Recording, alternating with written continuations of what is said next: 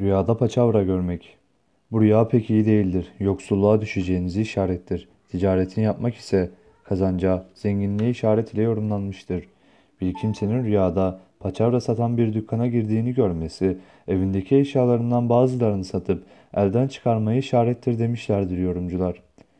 Rüyasında yatak ve yastık cinsinden bir şeye paçavra doldurduğunu görmek, iyiliğe, iyilik yapmaya, bir fakire yardım ederek sevap kazanmayı işarettir şeklinde yorumlanmıştır.